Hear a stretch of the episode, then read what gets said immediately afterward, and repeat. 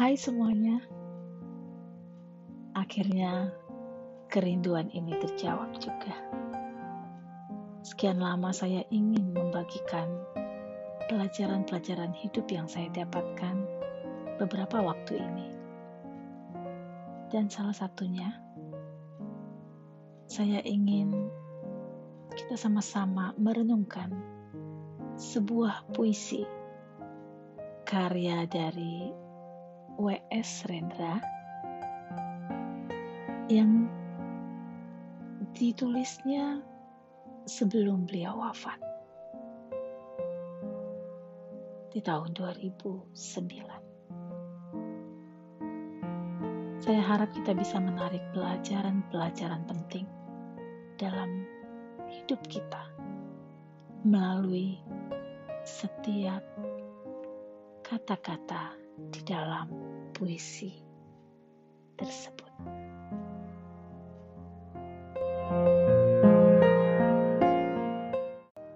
Hidup itu seperti uap yang sebentar saja kelihatan, lalu lenyap.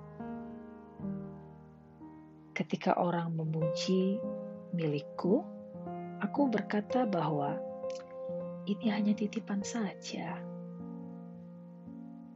bahwa mobilku adalah titipannya, bahwa rumahku adalah titipannya, bahwa hartaku adalah titipannya, bahwa putra-putriku hanyalah titipannya.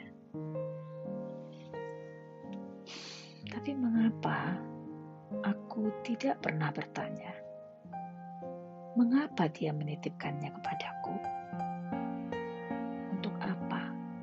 Dia menitipkan semuanya kepadaku. Dan kalau bukan milikku, apa yang seharusnya aku lakukan untuk miliknya ini? Mengapa hatiku justru terasa berat ketika titipan itu diminta kembali olehnya? Malahan ketika diminta kembali, Ku sebut itu musibah. Ku sebut itu ujian. Ku sebut itu petaka. Ku sebut itu apa saja untuk melukiskan bahwa semua itu adalah derita. Ketika aku berdoa, ku minta titipan yang cocok dengan kebutuhan duniawi. Aku ingin lebih banyak harta. Aku ingin lebih banyak mobil. Aku ingin lebih banyak rumah. Aku ingin lebih banyak popularitas. Dan tolak sakit, ku tolak kemiskinan, seolah semua derita adalah hukuman bagiku. Seolah keadilan dan kasihnya itu harus berjalan seperti penyelesaian matematika dan sesuai dengan kehendakku. Aku rajin beribadah, maka selayaknya lah cerita itu menjauh dariku dan nikmat dunia seharusnya kerap menghampiriku.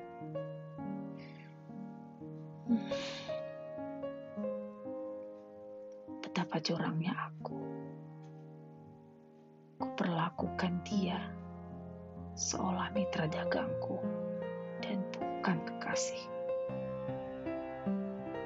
Ku minta dia membalas perlakuan baikku dan menolak keputusannya tidak sesuai dengan Padahal setiap hari ku ucapkan, hidup dan matiku hanyalah untukmu. Mulai hari ini, ajari aku agar menjadi pribadi yang selalu bersyukur dalam setiap keadaan dan menjadi bijaksana mau menuruti kehendakmu apa saja, ya Allah. Sebab aku yakin Engkau akan memberikan anugerah dalam hidupku. Kehendakmu adalah yang terbaik bagiku. Ketika aku ingin hidup kaya, aku lupa bahwa hidup itu sendiri adalah sebuah kekayaan. Ketika aku berat untuk memberi, aku lupa bahwa semua yang aku miliki juga adalah pemberian. Ketika aku ingin jadi yang terkuat, bahwa dalam kelemahan Tuhan memberikan aku kekuatan. Ketika aku takut rugi, aku lupa bahwa hidupku adalah sebuah keberuntungan karena anugerahnya. Ternyata hidup ini sangat indah ketika kita selalu bersyukur kepadanya. Bukan karena hari ini indah kita bahagia, tapi karena kita bahagia, maka hari ini menjadi indah bukan karena tak ada rintangan kita menjadi optimis, tapi karena kita optimis, rintangan akan menjadi tak terasa.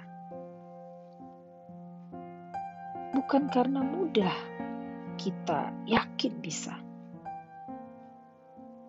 tetapi karena kita yakin bisa, semuanya menjadi mudah. Bukan karena semua baik kita tersenyum, tapi karena kita tersenyum, maka semua menjadi baik. Tak ada hari yang menyulitkan kita, kecuali kita sendiri yang membuat sulit. Bila kita tidak dapat menjadi jalan besar, cukuplah menjadi jalan setapak yang dapat dilalui orang. Bila kita tidak dapat menjadi matahari, cukuplah menjadi lentera yang dapat menerangi sekitar kita. Bila kita tidak dapat berbuat sesuatu untuk seseorang,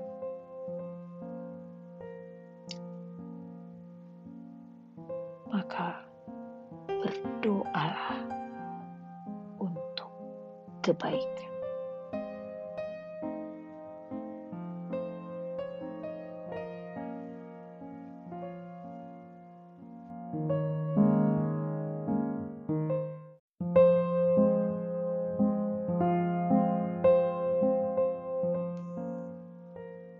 Melalui puisi ini,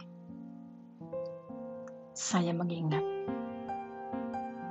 ketika firman Tuhan dalam 1 Tesalonika 5 ayat 18 berkata,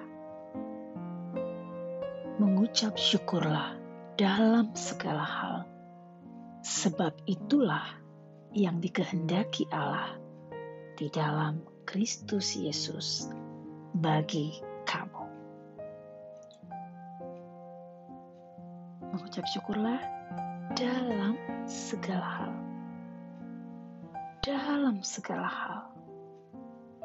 Itu artinya dalam suka dan dalam duka, dalam untung dan dalam rugi.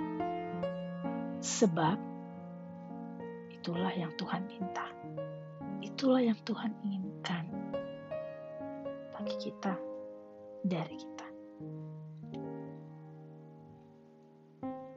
pada akhirnya hanya satu hal yang ingin untuk sama-sama kita renungkan dan tanyakan pada diri kita sendiri.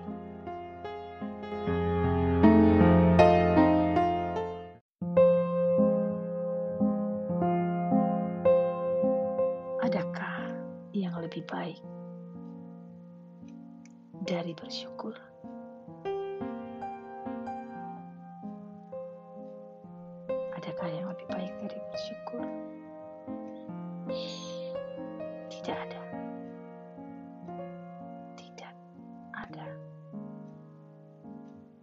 Itu pilihlah untuk selalu bersyukur dalam segala hal. Tuhan Yesus memberkati kita semuanya.